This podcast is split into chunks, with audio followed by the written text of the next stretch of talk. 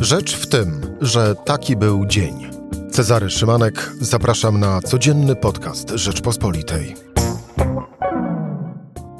Poniedziałek, 11 kwietnia. Francja wybiera prezydenta, część pierwsza. Do finału przeszli urzędująca głowa państwa, czyli Emmanuel Macron i Marine Le Pen, kandydatka skrajnie prawicowego Zjednoczenia Narodowego. Francuzi ostateczną decyzję podejmą za dwa tygodnie, w niedzielę 24 kwietnia, wcześniej, bo 20 Macron i Le Pen zmierzą się we wspólnej debacie. A Europa mierzyć się będzie przez najbliższe dni z obawą przed zwycięstwem Paradoksalnie, Putina nad Sekwaną. Jędrzej Bielecki już za chwilę moim gościem. Rzecz w tym, że zapraszam Cezary Szymanek. Słuchaj na stronie podcasty.rp.pl. Włącz Rzecz w tym w serwisie streamingowym. Jędrzej Bielecki, e, dziennikarz działu zagranicznego Rzeczpospolita. Jędrzej, dzień dobry. Dzień dobry. To zacznijmy wpierw od tej kwestii, bo takowe komentarze pojawiały się e, przed niedzielą minioną. Jeżeli Marine Le Pen wygrałaby wybory prezydenckie we Francji, byłoby to zwycięstwo Władimira Putina? No, nie ulega żadnej wątpliwości. Tutaj komentatorzy koncentrują się na jej wypowiedziach z przeszłości, także e, tej dla Rzeczpospolitej w grudniu, kiedy mówiła, że można myśleć, co się chce, mówić, co się chce, ale Ukraina jest częścią y, strefy wpływów Rosji. To wtedy, kiedy Mateusz Morawiecki przyjmował ją z honorami głowy państwa, y, to ona zaciągnęła jeszcze w 2014 roku y, kredyt w banku powiązanym z Kremlem dla finansowania swojej partii. To ona jeździła do Putina, to ona wielokrotnie wyrażała podziw dla autorytarnego reżimu, jaki zbudował. Ale to jest jedna rzecz. Druga jest taka, że zwycięstwo Marine Le Pen oznaczało paraliż drugiego najważniejszego kraju Unii Europejskiej. Nie wiadomo z kim by rządziła, z jaką większością i program pozostaje bardzo mętny. Wiadomo, że w wielu punktach, takich jak tak zwana preferencja narodowa przy zatrudnianiu, w handlu, jest sprzeczny z zasadami Unii Europejskiej. Krótko mówiąc, nie byłoby już żadnych nowych sankcji na Rosję, nie byłoby już jednolitego frontu wobec Putina, Zachód byłby podzielony, y, byłby sparaliżowany i to byłaby doskonała okazja dla Kremla, żeby zakończyć tą, tą bardzo brudną, bardzo brutalną wojnę na Ukrainie, a kto wie, czy nie skorzystać z tego wyjątkowego momentu, bo to by był moment absolutnie wyjątkowy, aby pójść dalej z tą ofensywą. Tak czy inaczej, y, na razie y, Emmanuel Macron zwycięzcą pierwszej tury wyborów prezydenckich y, we Francji 27,6% głosów, Marine Le Pen 23,4%, a z kolei na trzecim miejscu Jean-Luc Mélenchon, czyli kandydat skrajnej z kolei lewicy 20, ponad 20%. Jędrzej, czy Emmanuel Macron ma zwycięstwo w kieszeni? Y, no absolutnie nie ma i to o tym mówią bardzo jasno sondaże już po pierwszej turze, na przykład ten przeprowadzony przez BFM TV, czyli taki odpowiednik TVN24 we Francji, który mówi o tym, że owszem, Macron wygra 52 do 48%, ale zaraz ankieterzy y, podkreślają, że to są liczby, to są liczby w ramach błędu statystycznego, że ta różnica jest zbyt mała, aby rozstrzygnąć tak naprawdę, kto zwycięży. Z czego to się bierze? No, zbierze się z wielu czynników, ale być może najważniejszy jest ten, że co prawda w noc wyborczą wszyscy główni kandydaci poparli y, Macrona, powiedzieli, że trzeba na niego głosować, albo przynajmniej, tak jak to powiedział Jean-Luc Mélenchon, nie głosować na Le Pen, poza Erikiem Zemurem, który jest jeszcze bardziej skrajnym politykiem, rasistowskim politykiem, y, ale problem polega na tym, że ci, ci przywódcy partii nie są w stanie skutecznie wpływać na swój elektorat. Weźmy y, chociażby elektorat na tego najważniejszego z, z przegranych, y, Jean-Luca Mélenchon. Jemu brakowało zaledwie 500 tysięcy głosów do tego, aby przejść do drugiej tury, aby wypchnąć Le Pen z tej, z tej rozgrywki. To jest zresztą powód ogromnej frustracji na lewicy we Francji, dlatego że gdyby chociażby kandydat komunistów Fabien Roussel, który zdobył 800 tysięcy głosów, zrezygnował z, ze startu w tych wyborach i od razu Y, poparł y, Mélenchona, no to dzisiaj byśmy mieli kompletnie inną sytuację. Otóż Mélenchon powiedział y, w niedzielę, że nie może ani jeden głos jego zwolenników paść na Le Pen, no ale co z tego, kiedy zaledwie 35% z nich, z tych zwolenników Mélenchona mówi, że owszem poprze Macrona, ale prawie tyle samo twierdzi, że odda głos na Marine Le Pen, a niewiele mniej, czy mniej więcej również jedna trzecia mówi, że pozostanie w domu.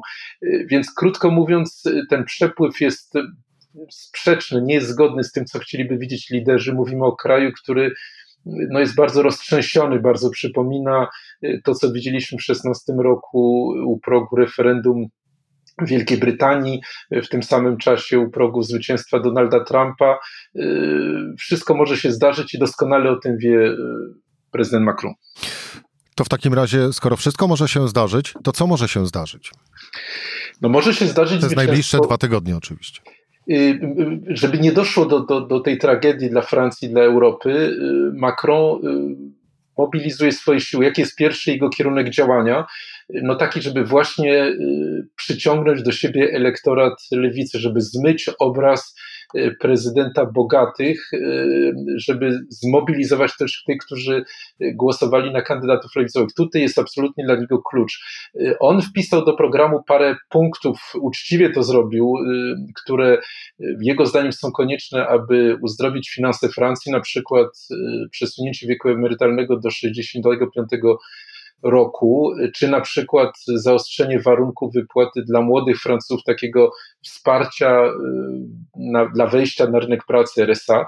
Y, no i w, w, w okolicy Pałacu Elizyjskiego mówi się, sygnalizuje się, że prezydent mógłby może nie tyle wycofać się z tego, co powiedzieć, że odkłada te reformy.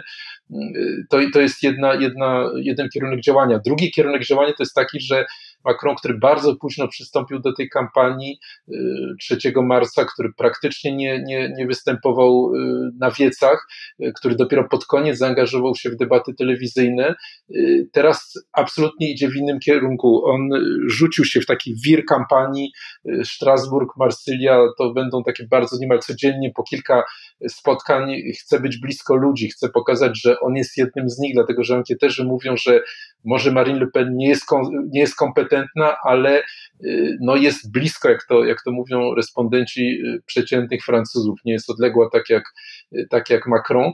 No tyle, że, że Macron ma jeden, jeden problem, którego nie miał pięć lat temu. Otóż wtedy był y, jak gdyby takim kandydatem antysystemowym. To było trochę fikcyjne, bo, bo przecież y, był wcześniej ministrem finansów u, François Hollande'a, był, był zastępcą szefa administracji Pałacu Elizyjskiego, no ale udało mu się skutecznie przekonać burców, że on jest tym nowym, że on odrzuca tego Hollanda, któremu wszystko zawdzięczał tak naprawdę, jeśli chodzi o karierę polityczną i, y, i być tym outsiderem. No ale teraz jest w zupełnie innej sytuacji, jest właśnie uważany za część establishmentu, musi bronić bilansu tych pięciu lat i chociaż y, sporo osiągnął jak na warunki francuskie, to, to ta prezydentura przypadała na wyjątkowo trudny czas, czas pandemii, czas wojny y, i, i, i bardzo trudno bronić takiego, takiego y, bilansu. No i wreszcie kwestia ukraińska. Tutaj Macron wyraźnie będzie wykorzystywał słabość Le Pen. To zresztą widać w tym zderzeniu, którego byliśmy świadkami jeszcze przed pierwszą turą wyborów z premierem Morawieckim. Y, Macron bardzo ostro odpowiedział na atak Morawieckiego, że on utrzymuje kontakt z Putinem, że próbuje doprowadzić do pokoju konsekwentnie podejmując rozmowy z rosyjskim przywódcą. Nazwał Morawieckiego antysemitą, powiedział, że buduje system autorytarny, no i że popiera Le Pen. Dlaczego to zrobił?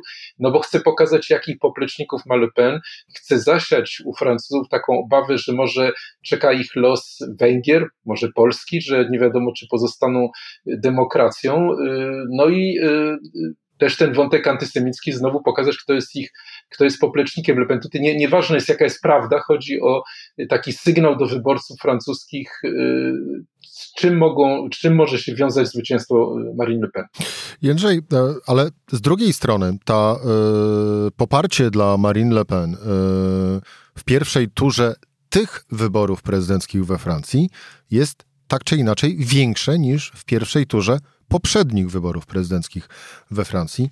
Dla przypomnienia, e, teraz 23,4%, a 5 lat temu 21,3%, czyli 2, e, ponad 2 punkty procentowe. Tymczasem, i teraz to będzie lekki przytyk do ciebie, ty wczoraj napisałeś na stronach RPPL wieczorem, komentując e, zamknięcie, po, wyniki e, po zamknięciu lokali wyborczych, że oto głosowanie na Marine Le Pen, sama ona w sobie, nadal jest obciachem.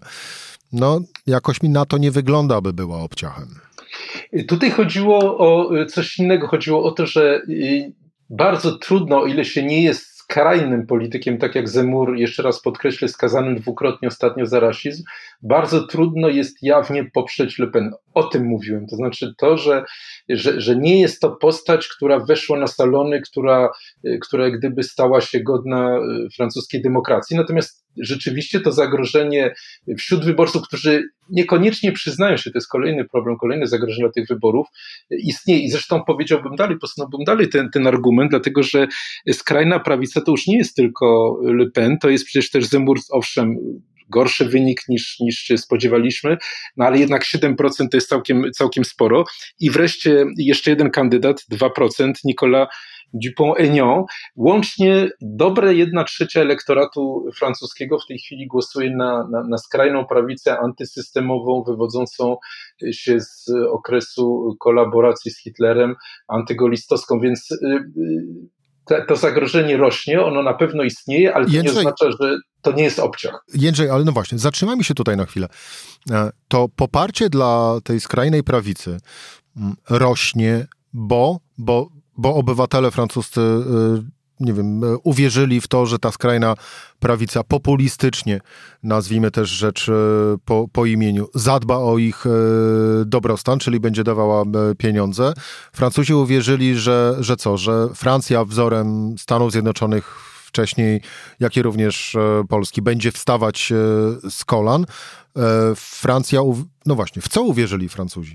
No oczywiście to jest zjawisko y, złożone. Jednym z jego elementów jest spryt samej Le Pen, która zdołała bardzo mocno złagodzić obraz y, swojego ugrupowania. No dość powiedzieć, że udział Francuzów, którzy odrzucają y, absolutnie możliwość głosowania na nią, bardzo wyraźnie spadł z 55 do 45%. To jest jeden element. No drugi element to jest no to, co widzieliśmy chociażby y, w czasie pandemii. Udział antyszczepionkowców we Francji w tych deklaracjach był jednym z największych na świecie. Francji udało się skutecznie pokonać tą chorobę y, ze względu na no, niezwykłe zagranie Macrona. Przypomnę, że on nie wprowadził obowiązku szczepień, tylko powiedział, że ten, kto się nie szczepi, kto nie uzyska takiego paszportu covidowego, no to nie wejdzie do sklepu, nie wejdzie do księgarni, nie wejdzie do restauracji. Ja byłem wtedy we Francji, rzeczywiście po prostu w każdym z tych, z tych przybytków regularnie, bez wyjątku sprawdzano dowód szczepienia, więc tym spowodował, że że Francuzi zaczęli się szczepić, ale, ale ta kwestia pokazała, jaki jest gigantyczny potencjał no, no zabobonów y, polityki opartej na, y, na impulsach, na, na, na, na emocjach, a nie na racjonalności. Coś, co jest niezwykle niepokojące no w, w, w, kraju Kartezjusza, prawda, opartym na racjonalnym myśleniu, więc to jest część, to trzeba wpisać tą, tą skrajną prawicę no, w to, co się dzieje w Polsce, to, co się dzieje na Węgrzech, to, co się dzieje w Ameryce, w to, co się dzieje w Wielkiej Brytanii, w to, co się dzieje w Brazylii. To jest część tego, tego, tego, tego świata.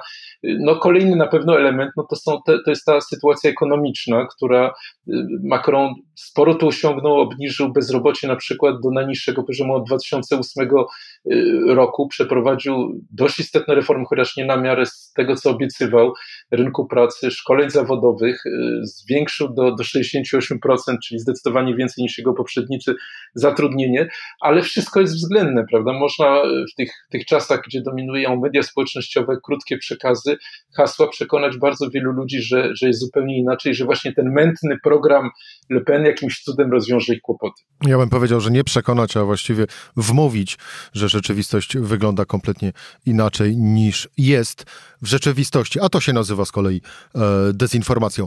Jędrzej, jeżeli Macron wygra, mm, Europa odetchnie mm, ze spokojem, ale to nie oznacza, że będzie miał łatwo przez najbliższych pięć lat. No, zdecydowanie tak, dlatego że stworzył się y, taki bardzo potężny blok y, radykalny, antysystemowy. Jeżeli się podliczy ośmiu kandydatów z prawicy, tej skrajnej, i z lewicy, tej radykalnej, skrajnej, to oni zebrali 10 kwietnia 58% głosów. To oznacza, że 42% Francuzów zagłosowało za utrzymaniem podstaw Piątej Republiki, czyli mniejszość i to bardzo wyraźna. Mało tego, co czwarty Francuz nie poszedł nie wziął udziału w tych wyborach, tych najważniejszych we Francji, tych, które zawsze polaryzują, mobilizują opinię publiczną, to jest, to jest bardzo dużo, czyli Macron byłby tak czy owak mimo zwycięstwa prezydentem mniejszości Francuzów, tych, którzy mają uprawnienie do głosowania i miałby ten bardzo potężny blok przeciwników. Tutaj trzeba zwrócić uwagę na, na dwie zjawiska. Y, na upadek filarów Piątej Republiki, y, którymi są z jednej strony goliści republikanie, z drugiej strony Partia Socjalistyczna. Pierwsze to ugrupowanie y, uzyskało mniej niż 5% poparcia. Valérie Pécresse uzyskała mniej niż 5% poparcia, co zresztą spowodowało taki dramat osobisty listy tej kandydatki, dlatego że ona zaciągnęła kredyt na zakończenie kampanii 5 milionów euro, ona osobiście. No a jeżeli się nie uzyskuje 5% poparcia we Francji, to państwo nie zwraca kosztów kampanii. No i teraz Pekres jest w wielkim kłopocie, apeluje do Francuzów, żeby przyszli z pomocą i po prostu zwrócili te pieniądze.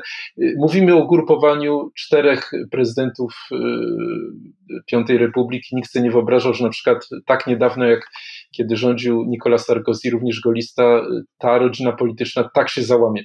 No, a z drugiej strony socjaliści, przecież też ogromne ugrupowanie, ugrupowanie Mitterranda, ugrupowanie Hollanda. Otóż kandydatka tego, tego ugrupowania Anne Hidalgo uzyskała mniej niż 2% poparcia. W samym Paryżu uzyskała ledwie 2%, a ona jest merem Paryża. I tutaj powstaje pytanie, jak ona ma organizować za dwa lata y, olimpiadę w Paryżu. Czy, czy to w ogóle z takim poparciem można dalej funkcjonować? Dwa, mniej niż 2% poparcia i, i, i być nadal burmistrzem Paryża. Więc y, Macron staje w sytuacji, do której zresztą sam do pewnego stopnia się przyczynił, bo pięć lat temu, y, tworząc ten swój wielki ruch taki centrowy, ani z lewicy, ani z prawicy, jak mówił, y, La, La République en Marche, no, doprowadził do zniszczenia tych dwóch ugrupowań. Jego plan był taki, żeby mieć naprzeciwko siebie skrajną prawicę i w ten sposób mieć gwarancję wygranej, tylko problem polega na tym, że ten, ten, ten potwór, którego w jakiś tam sposób niechcący no, trochę wyhodował, teraz urósł do takich rozmiarów, że może zagrozić w ogóle Piątej Republice. E, jeszcze, jedno, e, jeszcze jedna kwestia dotycząca e, sytuacji, jeżeli faktycznie Macron wygra, za co przyznajmy jeszcze raz, trzyma kciuki cała zachodnia Europa, by nie powiedzieć cały szeroko e, rozumiany Zachód. Czy Macron będzie musiał również, tylko będzie miał utrudnione zadanie, bo będzie dotyczyło to dokładnie jego, ale czy Macron będzie również zmuszony do przeprowadzenia takiego rachunku sumienia dotyczącego polityki zagranicznej prowadzonej przez Francję, tak jak to zaczyna mieć teraz powoli miejsce w Niemczech, gdzie klasa polityczna dokonuje e, rachunku sumienia e, za politykę zagraniczną prowadzoną przez Merkel? No ja myślę, że tutaj sytuacja nie jest porównywalna, dlatego że y, cała logika niemiecka no jest w sposób ewidentny y, okazała się fałszywa, prawda? No Niemcy liczyli na to, to jest polityka prowadzona jeszcze przecież od, od końca lat 60. Y, Ostpolitik przez, przez Brandta, liczyli na to, że utrzymując coraz bliższą współpracę z Rosją doprowadzą do, do rozmiękczenia reżimu najpierw Związku Radzieckiego, potem autorytarnego reżimu Putina, zwiążą siecią zależności Rosję spowodują, że no nie zrobi tego, co zrobiła. Y, no i same liczby pokazują, że, że to Niemcy przecież, a nie Francja y, są tym krajem, który płaci no gigantyczne kwoty za, za, za import nośników energii z Rosji. Więc tutaj nie ma takiej sytuacji. Y, drugi punkt to jest taki, że ta strategia Macrona rozmowy z Putinem no jest częścią takiego DNA Francji. Francja chce grać wśród wielkich potęg świata, jest y, piątą, szóstą, zależnie od kursu euro, gospodarką, y, gospodarką światową, ma y, stałe miejsce w Radzie Bezpieczeństwa, ma broń jądrową, no nie, nie, nie ciąży na nią odium Hitlera, więc to jest kraj, który ma, który ma zupełnie inny punkt wyjścia i, i, i trudno sobie wyobrazić, żeby on zaprzeczył w tej chwili właśnie tym kontaktom. Francja nie, nie, nie odda na przykład, nie wiem, Brukseli polityki zagranicznej to, to czegoś ale, takiego raczej Ale wiesz, Jędrzej, z drugiej strony tak naprawdę to też nie bez powodu, no bo jeżeli mówimy na przykład o firmach, które zostały w Rosji, no to są to głównie firmy francuskie i o nich mówimy głównie w tym, w tym kontekście. Także też nie jest tak, że Paryż nie ma nic za uszami, bo ma i to bardzo, bardzo dużo w tej kwestii. E, na koniec jedna, jedna kwestia. Mm. Jeżeli Macron wygra, to będzie to y, ostatni prezydent, który nie będzie skrajnie, skrajnie prawicowy lub lewicowy? Aż tutaj wszelkie, wszelkie prognozy są bardzo łudne, no bo wszyscy myliliśmy się, prawda, co do, bo przytłaczająca większość ekspertów w samych tych krajach, przecież co do Brexitu, co do Trumpa, wielu, wielu innych punktach. Może zacytujmy samego Macrona, który y, u progu pierwszej kadencji w 17 roku y, powiedział swoim współpracownikom, jeżeli Francja nie zostanie dogłębnie zreformowana, to jeśli nie za 5 lat, to za 10 lat Marine Le Pen wygra, wtedy ona jeszcze wciąż nie będzie miała 60 lat, będzie wciąż młodym politykiem jak na dojrzałe demokracje zachodnie I, i prawdopodobnie prezydent, czy nawet na pewno w głębi ducha nadal w to wierzy, jeżeli nie dojdzie do y, zasadniczej zmiany układu we Francji, to takie zagrożenie będzie istniało. Na czym miałby ten, ta, ta, ta zmiana polegać? No przede wszystkim na tym, żeby ci, którzy y, korzystają, korzystają ze względu na swój wiek y, z, z, z dobrobytu, z państwa opiekuńczego, z tych zdobyczy socjalnych, jakie, jakie przez lata się udało skumulować Francuzom, podzielili się z tymi młodszymi, z tymi, którzy są wyrzuceni poza nawias, którzy są bezrobotni, którzy nie mają odpowiedniego wykształcenia. No to jest to, co, to, co Niemcy zrobiły jeszcze za Schroedera, Oczywiście to jest inny ustrój, to jest inna historia, niemniej jednak no podkreślmy, że, że ostatnie wybory w Niemczech były wyborami, gdzie, gdzie partie skrajne, populistyczne pozostały na marginesie. To jest kompletnie inny układ niż we Francji, więc y, no przed Francją staje takie pytanie, czy, czy ona nie musi pójść śladami Niemiec i, i przeprowadzić taką terapię szokową, zupełnie zmienić układ, w którym ci, którzy mają, trochę się posuną, aby ci, którzy nie mają, również y, troszeczkę mieli. No, tylko tyle, że wspomniałeś słowa Macrona, e, no to wychodzi niestety z tych e, słów, kiedy zderzymy je z rzeczywistością, e, że te pięć lat pierwsze, no trochę zmarnował, bądźmy szczerzy.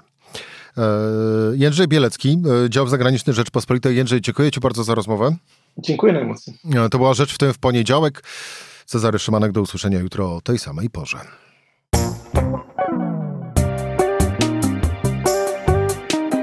Rzecz w tym to codzienny program Rzeczpospolitej. Od poniedziałku do czwartku o godzinie 17. Słuchaj na stronie podcasty.rp.pl. Włącz Rzecz w tym w serwisie streamingowym.